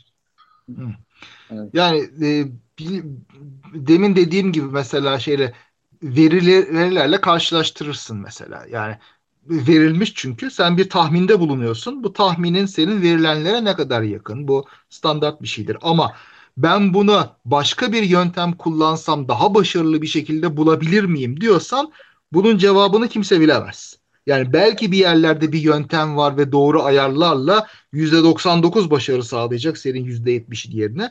Ama kimse bilmiyor. Belki henüz keşfedilmedi falan. Bunlar olabilecek şeyler. Zamanla olur. Belki önce kodumuzu hani bilinen ve sonucu bilinen şeylerle falan sınayarak mı bakmak lazım mesela? Mesela o bir yol tabii. Ya bir de istatistik, olasılık falan bunlardan bahsediyoruz. İster istemez gürültü var. Ve biz bir model yaptığımız zaman gerçek dünyayı zaten basitleştirmiş oluyoruz. Ee, bizim düşündüğümüz herhangi bir yani parametrik bir model, parametrik model böyle ismi çok e, karmaşık gözüküyor ama oldukça basit bir şey. Ben e, elimdeki data var ve bu bir bu datanın bir fonksiyondan geldiğini kabul ediyorum. O fonksiyonun da parametrelerini bulmaya çalışıyorum. Mesela parametrik model kabaca bu. Şimdi bu parametrik modelle ilgili bir şey kabul ettiğinde ya bu fonksiyonun şu tür bir yapısı olacak. İşte dümdüz gidecek. Eğrili büğrülü gidecek. Yok işte sinüs eğrisi gibi olacak falan gibi bir kabulle başladığımız anda bir kere zaten bir basitleştirme yapmış oluyoruz. Yani bizim bir taraflı olduğumuz bir durum var. Onun ötesinde elimizde data neyse onunla biz çalışıyoruz. Gerçek hayat böyle değil ama gerçek hayatta her zaman o data bir olasılık dağılımından geliyor gibi kabul edersek üzerinde bir gürültü olacak. Bizim ölçemediğimiz bazı şeyler olacak. Dolayısıyla hani aynı yöntem 100 tanıma programı yazdınız. Dört dörtlük çalışıyor. 100 kere dört dörtlük çalışıyor ama bir tane örnek gerekiyor. Örnekle hiç hiç çalışmaz. Bunları zaten internette falan da görebilirsiniz. İşte harika bir yapay sinir ağı var. İşte yüzü şak diye buluyor. Bin tane resmin içinden işte e, Kemal'i bulduk diyor. Ama Kemal işte elinde kendi resmini tuttuğu zaman bulamıyor. Ya da ne bileyim işte çizgili pantolon giydiğinde bulamıyor falan gibi. Dolayısıyla hata payı mutlaka var arkadaşlar. Peki hocam. Teşekkürler. Şimdi Kaan sen bir şey der, diyordun konu ha, değişecekken. Şey diyordum. Ee, Çiğdem Hanım demin, demin sosyal bilimler bağlamında sorusunu cevapladınız. Bize şey soruyor. Python'la başlamak yeterli olur mu sorusu soruyor. Ben kendimce cevap vereyim. İlker de kendi katkısını e, rica edeceğim ondan. Python'la başlamak evet yeterli olur. Çünkü şu anda Python e, de facto olarak yani e, veri biliminin ve pek çok başka şeyin de en çok kullanılan dili. Bunun yanında R öğrenmenin de tabii zararı olmaz. Ama onun dışında gidip mesela C ile uğraşmanın ekstra bir faydası olduğunu ben zannetmiyorum. Şimdi Python niye faydalı? Dilin kendisi e, farklı olduğundan değil. Her dil aslında denk. Ama Python için geliştirilmiş çok sağlam istatistik, yapay öğrenme, veri analizi, verileri değiştirme, biçimini değiştirme, nümerik biçimlerde e, manipüle etmeyi falan için çok değişik e, kütüphaneler var. Değişik derken böyle güçlü. Buna Python ekosistemi deniyor. NumPy e, mesela matrislerle uğraşmak için, Pandas verileri bir tablo halinde alıp değişik biçimlere sokmak için, Matplotlib görsellemek için, scikit-learn yapay öğrenme, stats models istatistiksel yapay öğrenme gibi bunlar çok çok yaygın kullanılan çok güçlü paketler olduğu için Python e, şu anda iş görür yani bir eksiği olmayacaktır. Abi bu arada nam benim nampi nampi diye düşündüğüm şeye numpy deyince sen bir böyle şey oldu. e, e, Valla ben programlama dilini ikincil görüyorum. Hızlıca size ne başlatacaksa onunla başlanabilir. Şimdi Hı. güzel tarafı Python'ın tabii ki hemen e, bir şeyleri denemek mümkün çok hızlıca. Çünkü bunlar derleme gerektirmeyen diller. Yani şunu söylemek istiyorum. Siz işte bir şeyleri yazdınız ondan sonra onu derleme dediğimiz e, işte bir e, çalıştırılabilir bir program haline getirmeniz gerekiyor. Hatta kenarda bir tane böyle chat gibi e, küçük bir terminali var. O terminalde bazı şeyleri sayıları toplayabiliyorsunuz. Hesap makinesinden hallice bir şey. Hızlıca denemeye müsaade ettiği için Python gayet güzel. Yani ama Arda olabilir. Arda bunları yapıyor ve gayet gayet başarılı. Tabii, İnsanlar şüphesiz. bu dil konusuna biraz e, fazla takılıyorlar. Hızlıca e, bazı şeylerde eğer ben veriyle hızlıca oynamak istiyorum diyorsanız ben de R veya Python ama Python öncelikli olacak şekilde Python derim. Ha yok ben ama aslında başka bir yola gideceğim. Ben gerçekten programlama, veri yapıları, algoritmalar konusunda uzmanlaşacağım derseniz ki bu çok mümkün. Özellikle istatistik, matematik, fizik vesaire o tür daha hani e, nispeten yakın teknik dallardan gelen arkadaşlar bu konularda gideceğim diyorlarsa orada izlenecek yol başka olabilir. Bence biraz yapılacak işe uygun olması lazım ama ben e, sanırım Çiğdem Hanım böyle bir şey yapmak istiyor. Verilerle hani hızlıca uğraşayım işte bunları alayım toplayayım çıkartayım e, oynayayım e, işte kelimeleri sayayım ne bileyim o tür şeyler hızlıca yapayım diyorsa e, ben de Python'ı öneririm tıpkı Kaan gibi. Şimdi... Evet şeyde yani e, dilin kendisi gerçekten önemli değil. İnsanlar pek çok zaman bu iş için en mükemmel araç nedir diye düşünerek çok zaman kaybediyorlar pek çok değişik şey için. Hiç önemli değil. Bir şeyle başlayın. O size zaten dar gelmeye başladığında değiştirirsiniz başka şeye ve o zaman kadar daha iyi bir aracı görmüş olursunuz. Yeter ki başlayın. MATLAB'de olur, R'da olur, Basic'te olur ya hiç fark etmez. Yeter ki bir başlayın yani. Ondan sonra zaten gerisi gelir. Ama soru şeyse hiçbir programlama dili bilmiyorum. Neyden başlayayım derseniz bu yıllardaki doğru cevap Python. İleride bambaşka bir şey çıkabilir tabii o ayrı. Ya bir de şimdi benim nesli biraz daha şanssız. Yani ben ilk kurduğum Linux hatırlamıyorum artık. Neydi? Red Hat 3 falan mıydı acaba? Neyse bir ondan önce zaten tabletteydi herhalde yani şey taşa yazılıyordu.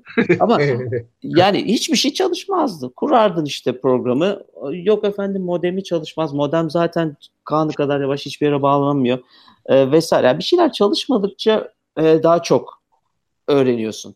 E, öğreniyorduk. Yani şimdi tabii bu işler çok çok kolaylaştırıldı. Onun için o şeye düşmemek lazım.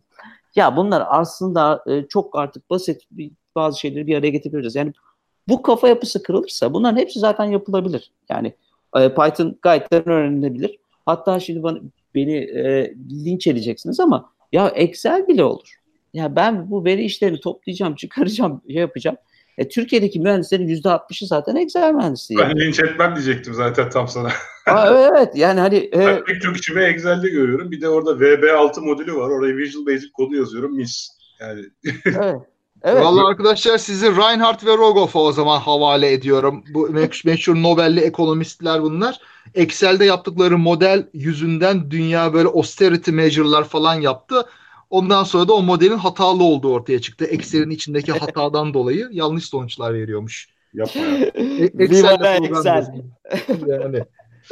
ya basit işler için Excel bir de görsellik görsellik de olduğu için yani eğer özellikle iş yeri için şimdi her şeyi bilim için düşünmeyelim e, hani iş yerinde başkalarının da kullanabileceği ufak tefek şeyler hemen yapayım diyorsanız yani Python'ın en kötü özelliğini söyleyeyim size. Yani görsellik kullanıcı ara birimi olayı sıfır yani. Ee, evet. Jüpiter diye bir güzelliğimiz var. Ondan biraz bahsetsek iyi olur şimdi. Yok şey olarak diyorum. Yani oraya ben bir düğme koyayım. Adam bu düğmeye basınca şu çıksın fareyle kullansın kısımlarını Python'da şey yapmak çok zor ya e, nispeten zor. Çok zor değil de işte dashboard falan oluşturmak da mümkün Python'da ve hiçbir şey olmasa bir Jupyter Notebook ile böyle yaptığın işleri sırayla biraz götürebilirsin. Şimdi bunu da e, bir, bir dakikalığına bir söyleyelim. Jupyter J-U-P-Y-T-E-R diye yazılıyor. E, şey sadece Python'a özgü değil. Python, R, Julia ve pek çok başka dil içinde kullanılabilen bir e, browser tabanlı, tarayıcı tabanlı bir program. Kendi bilgisayarınızda çalışıyor. İnternette herhangi bir yere bağlanmıyorsunuz. Ama çalıştığı zaman sizin işte Firefox, Chrome her neyi kullanıyorsanız tarayıcınızda bir pencere açıyor ve orada hücreler var. Giriş hücresinde mesela yazıyorsunuz bir şeyi. Ctrl Enter yapıp e, gönderdiğinizde o hesabı yapıyor arkada size cevabı altında veriyor. Sonra yeni bir hücrede bir şey daha soruyorsunuz. Böylece yaptığınız işleri sırayla listeleyen güzel bir belge oluşturmuş oluyorsunuz. Araya yazılar koyabiliyorsunuz, açıklamalar, matematiksel formüller, resimler, videolar. Yani tam teşekküllü bir belge oluşturmak mümkün oluyor bununla. Ve veri bilimci olmak isteyenlerin şu anda öğrenmesi gereken araçlardan biri olduğu için bu kadar uzun uzun Hocam anlattım. reklam al reklam. Veri defterinde var zaten bunlardan bahsetmiştik orada. Ha veri defteri vallahi öyle Evet. veri defterine bakın orada bol bol. reklamınızı yapın biraz ya. Heh. orada orada bahsetmiştik. Gerçi yemek sepeti gibi bize yemek ısmarlayacaksanız yani yoksa bedava Evet. yok. Tabii. Veridefteri.com. Resmen boşu çıktı. Ailenizin blogu. Şimdi e, biraz da izleyicilerden bazı yorumlar tabii. Tolga Marmarik bize şunu hatırlatmış. Yani evet veri temizliği önemli demiş. Bazen eforun %60'ı veri, de- veri temizliğine gidiyor demiş. Evet kullanılacak veriyi temizlemek de çok önemli değil mi hocam? Tabii. E, bu arada onunla da ilgili aslında bir şey söylemek lazım. Tolga'ya da buradan merhaba. E, şimdi e, evet veri temizliyoruz ama insanlar hep şey diye zannediyorlar. Ya işte bu veriye baktım burada çok aykırı bir iki değer var. Hop onları uçurdum. Yok işte normalize ettim falan. Tabii ki bunlar yapılıyor ama gene aynı şeyler geçerli. Bir kere o bizim attığımız, kenara attığımız veri belki de çok anlamlı bir veri. Yani onu dönüp bakabilmek ve bununla ilgili bir şeyler söyleyebilmek önemli. E, aynı şekilde işte ben ortalama al. Ortalama almak bazen işe yaramayabilir. İşte arada diyelim ki kategorik değerleriniz var. O zaman neler yapacağız? E, ona bir kere dönüp bakabilmek mühim. E, bir de tabii ki veri temizliği dediğimiz alanın kendisinin içinde de bir sürü kullanılabilecek araç var. Optimizasyondan istatistiğine e, programlama zaten orada. E, dolayısıyla yani evet çok fazla vakit alıyor. Fakat o veriyi temizlerken veriyle ilgili de insanın bir hissiyatı oluyor. Yani bakıyorsunuz ya bu veride galiba böyle bir e, mevsimsellik var.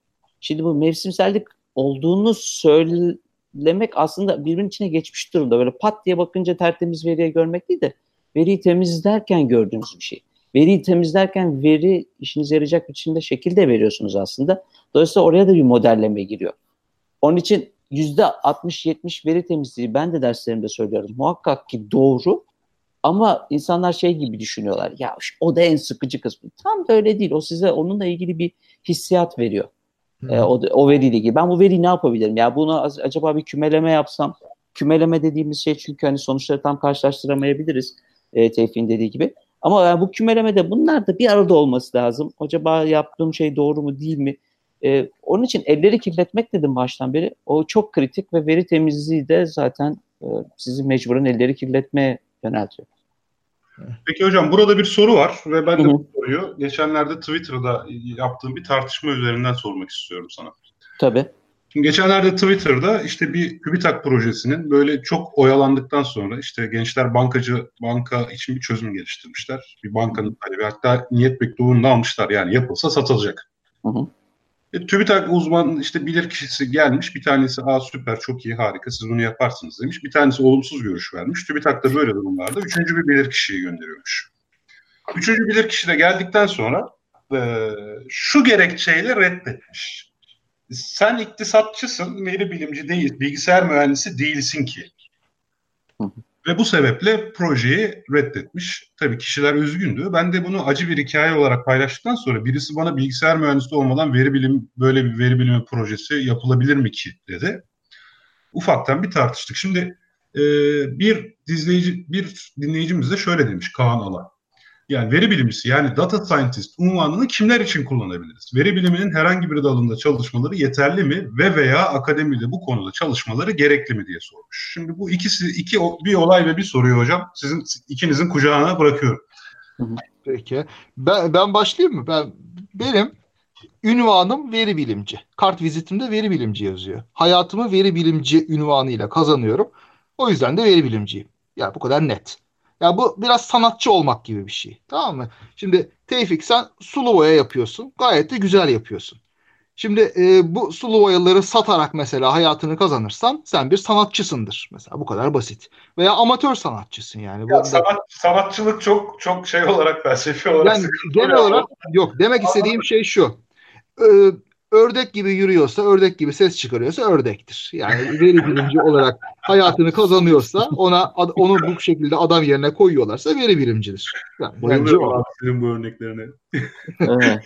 yani şunu da dersin senden bekliyorum. Veri bilimci kimdir söyleyemem ama kim değildir söyleyebilirim. doğru. Vallahi doğru yani.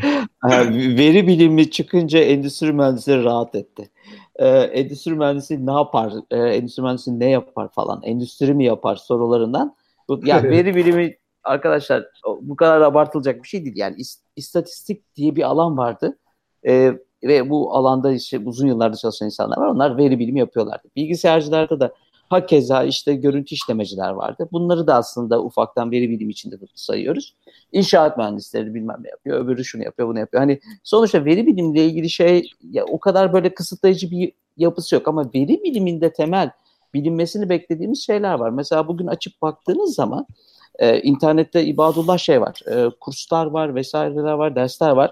İşte bazı daha derinlemesine anlatıyor, bazı bu araçları kullanmayla ilgili kısmını anlatıyor.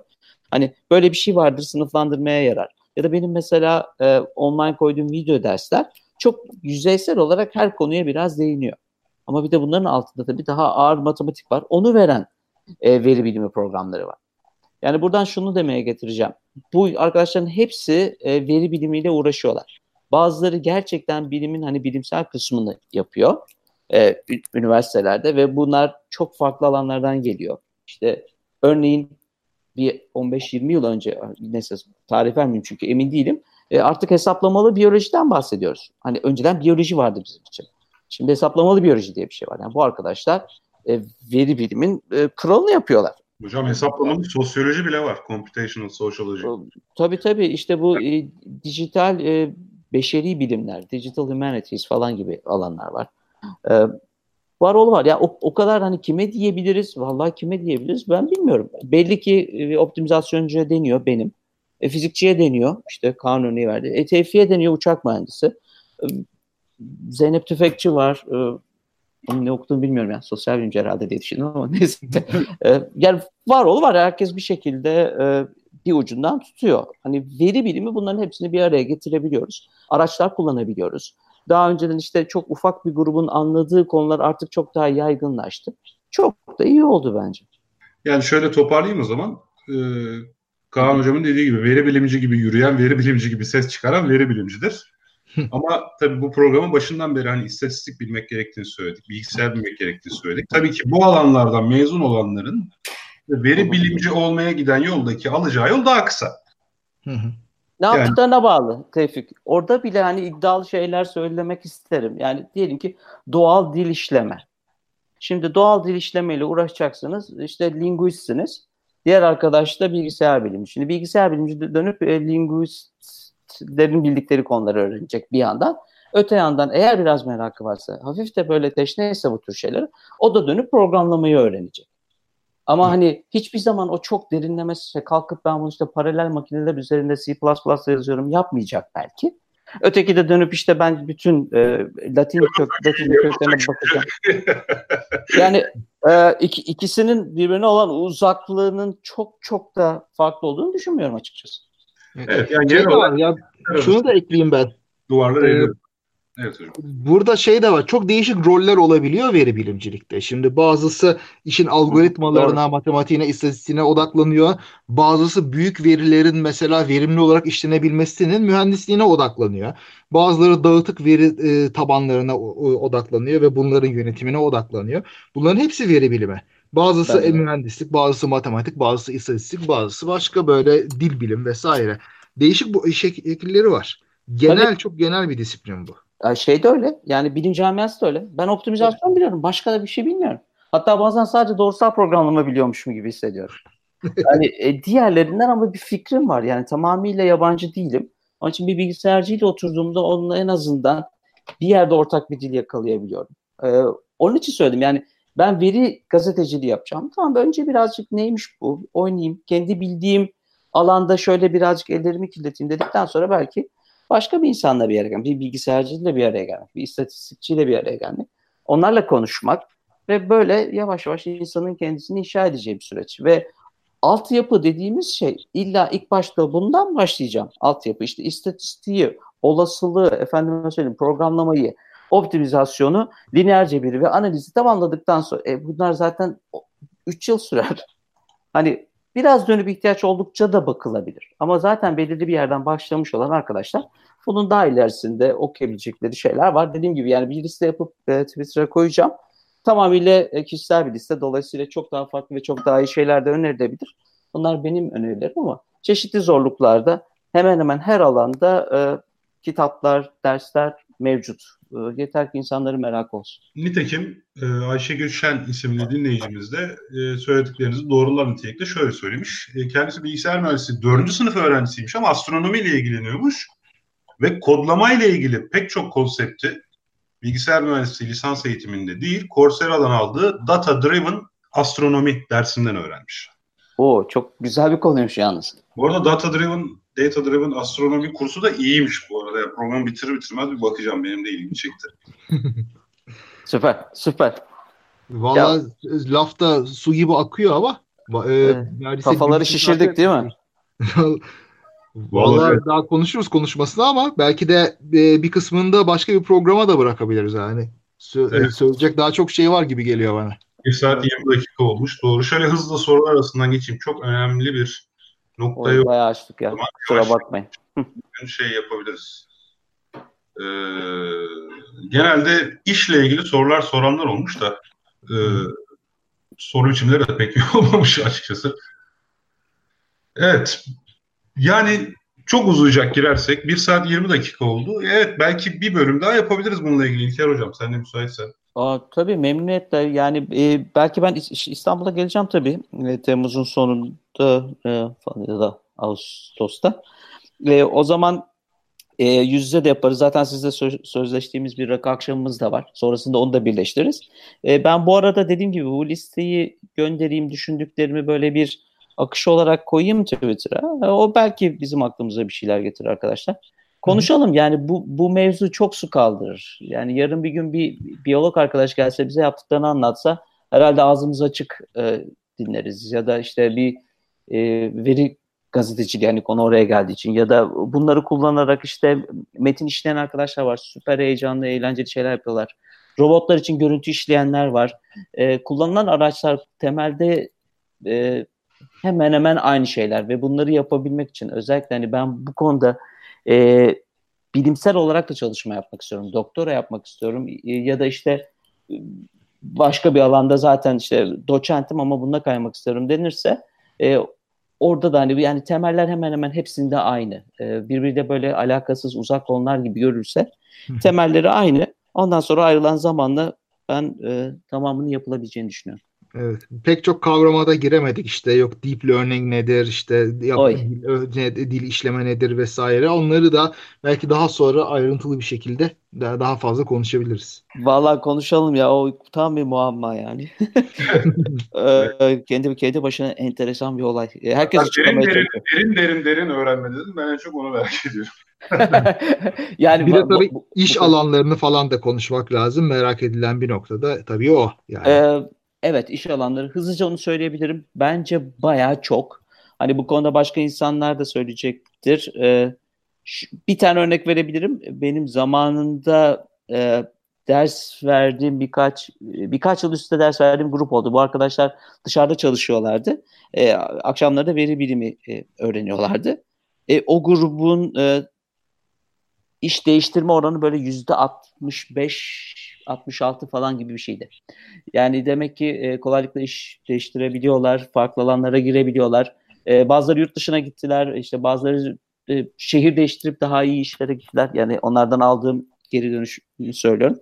E, herkes bir noktada artık bu verilerle uğraşıyor. Dolayısıyla iş alanı açısından e, çok büyük bir sıkıntı yok. Ama e, alan bilgisini de bu arada son bir not olarak müsaade edin söyleyeyim çünkü öyle bir şey oluyor. Bana ver datayı ben o datadan her şeyi anlıyorum diyen adamın e, gözünün yaşına bakmayın. Çünkü doğru değil. Yani o alanın bilgisi çok önemli. İşte ben alırım görüntü işlerim şak diye kanseri bulurum diyen adama e, tokatlamak lazım. Yani yıllarca bu konularda çalışan e, onkolojistler var vesaire. E, o insanlarla bir araya gelmek, alan bilgisi hala e, mevcut e, düzende çok çok önemli. Bununla ilgili çok güzel bir XKCD şeyi vardı. E, Öyle mi? Karikatürü vardı. Tamam, sen de onu gönder hocam. tamam ya bulayım göndereyim. Kapatmadan önce hızlı bir kişisel soru var. Hamit Can Sayılgan diyor ki yazın Nesin Matematik Köyü'nde dersler olacak mı? E, aslında ufaktan söyleyelim. E, şöyle oldu. Biz bu yaz aslında başka bir ona nasıl, nasıl demeliyiz bilemiyorum ama bilim köyü diyeyim isterseniz. İzmir civarında bir bilim köyü projesi var. E, e, ayrıntılarını ben e, vermek için herhalde e, bilgili değilim ama e, duyurabilirler e, önümüzdeki yıl. Bu yaz yapılacaktı ve biz orada Kaan'la beraber ben yapay öğrenme anlatacaktım. Uygulamalarda da Kaan yapacaktı. Öyle bir program da hazırladık fakat ötelendi. Önümüzdeki seneye kaldı. Umarım önümüzdeki sene olursa öyle bir şey yapacağız. Bizim yapay öğrenme yapmıştık matematik köyünde e, iki, ke, iki kez üst üste. O gruptan e, bizim e, Taylan şimdi e, Google Brain'de İngiltere'de e, şey e, ben buradayım Hollanda'dayım. Dolayısıyla organizasyon e, sıkıntımız var ama hep istiyoruz. Bir noktada yapacağız ya da Kaan'la konuştuğumuz gibi belki İstanbul'da sıkıştırılmış 3-4 günlük bir şey yapmayı düşünüyoruz. Bunların hepsi proje arkadaşlar. Onun için söz verdim diye almayın lütfen. Elimizden geleni yapacağız. Tamamdır. O zaman teşekkür ediyoruz İlker Hocam. Bizi yine kırmadın. Ee, üçüncü mü dördüncü mü ben sayamadım. Sen ekipten sayılırsın zaten. Saymaya da gerek yok. Aa, bu galiba üçüncü herhalde. Bir kere de Pınar'la katılmıştık. Evet dört oluyor onu da sayarsan. Olabilir dört oluyor. Evet dört oluyor. Valla Evet. önümüzdeki haftalarda biraz devamını bir devamını getiririz bence bunun. Evet, dinleyicilerimiz de çok istiyorlar devamlı mutlaka olmasını. Ee, bir anlamda bir giriş yapmış olduk. Yavaş yavaş da artık belki hani optimizasyondur, e, işte neural networks'tur bunlara detaylı olarak girdiğimiz bir seri olarak buna devam ederiz. Ee, İlker Hoca'nın da vakti olursa. Memnuniyetle. Ben dediğim gibi bir liste şimdi e, Twitter'dan e, göndereyim arkadaşlar. Açık bilim de zaten oradan retweet eder. E, bu sadece benim kendi listem. E, kolayından zoruna farklı alanlara ayırıp bir liste oluşturdum kendimce. E, belki bir faydasını görürsünüz. Arasından ilginç bulacağınız kitaplar olabilir. Evet, podcast dinleyicilerimiz için tekrar ediyorum. Ee, İlker Hoca'nın Twitter adresi Sibirbil. Twitter kullanıcı adı Sibirbil. Ee, hocam Süleyman mıydı ilk isim? Şevket. Dedemin ismi. Öyle mi? Çok Ben da ilk- güzel isim ama İlker, ailecek İlker'e alışmışız. Şevket. Çok enteresan. Benim aklıma niye Süleyman diye kalmış acaba? Ha, bilmem. Allah. Neyse ilginç oldu. Evet, SI bir bil yani Sibir Bil e, kullanıcı adından Twitter'dan takip edebilirsiniz. Podcast dinleyicilerimiz için not olsun. E, kapatıyoruz o zaman. Vallahi kapatıyoruz. Ee, özlemişiz galiba birbirimizi. Ben daha erken İstanbul'a gelmeye çalışayım bir kaçamak. Gel hocam sen sen erken gel. Gel bakalım. Uzun uzun konuşuruz. Hadi bakalım. Eyvallah. Çok teşekkür ederiz. Haydi dostlar görüşürüz. İyi Hoşçakalın. İyi haftalar. Daha fazla bilgi edinmek isteyenler Tarihi Osmanlı Mecmuası'nın 3. cüzünün 1912. sayfasına bakabilirler efendim.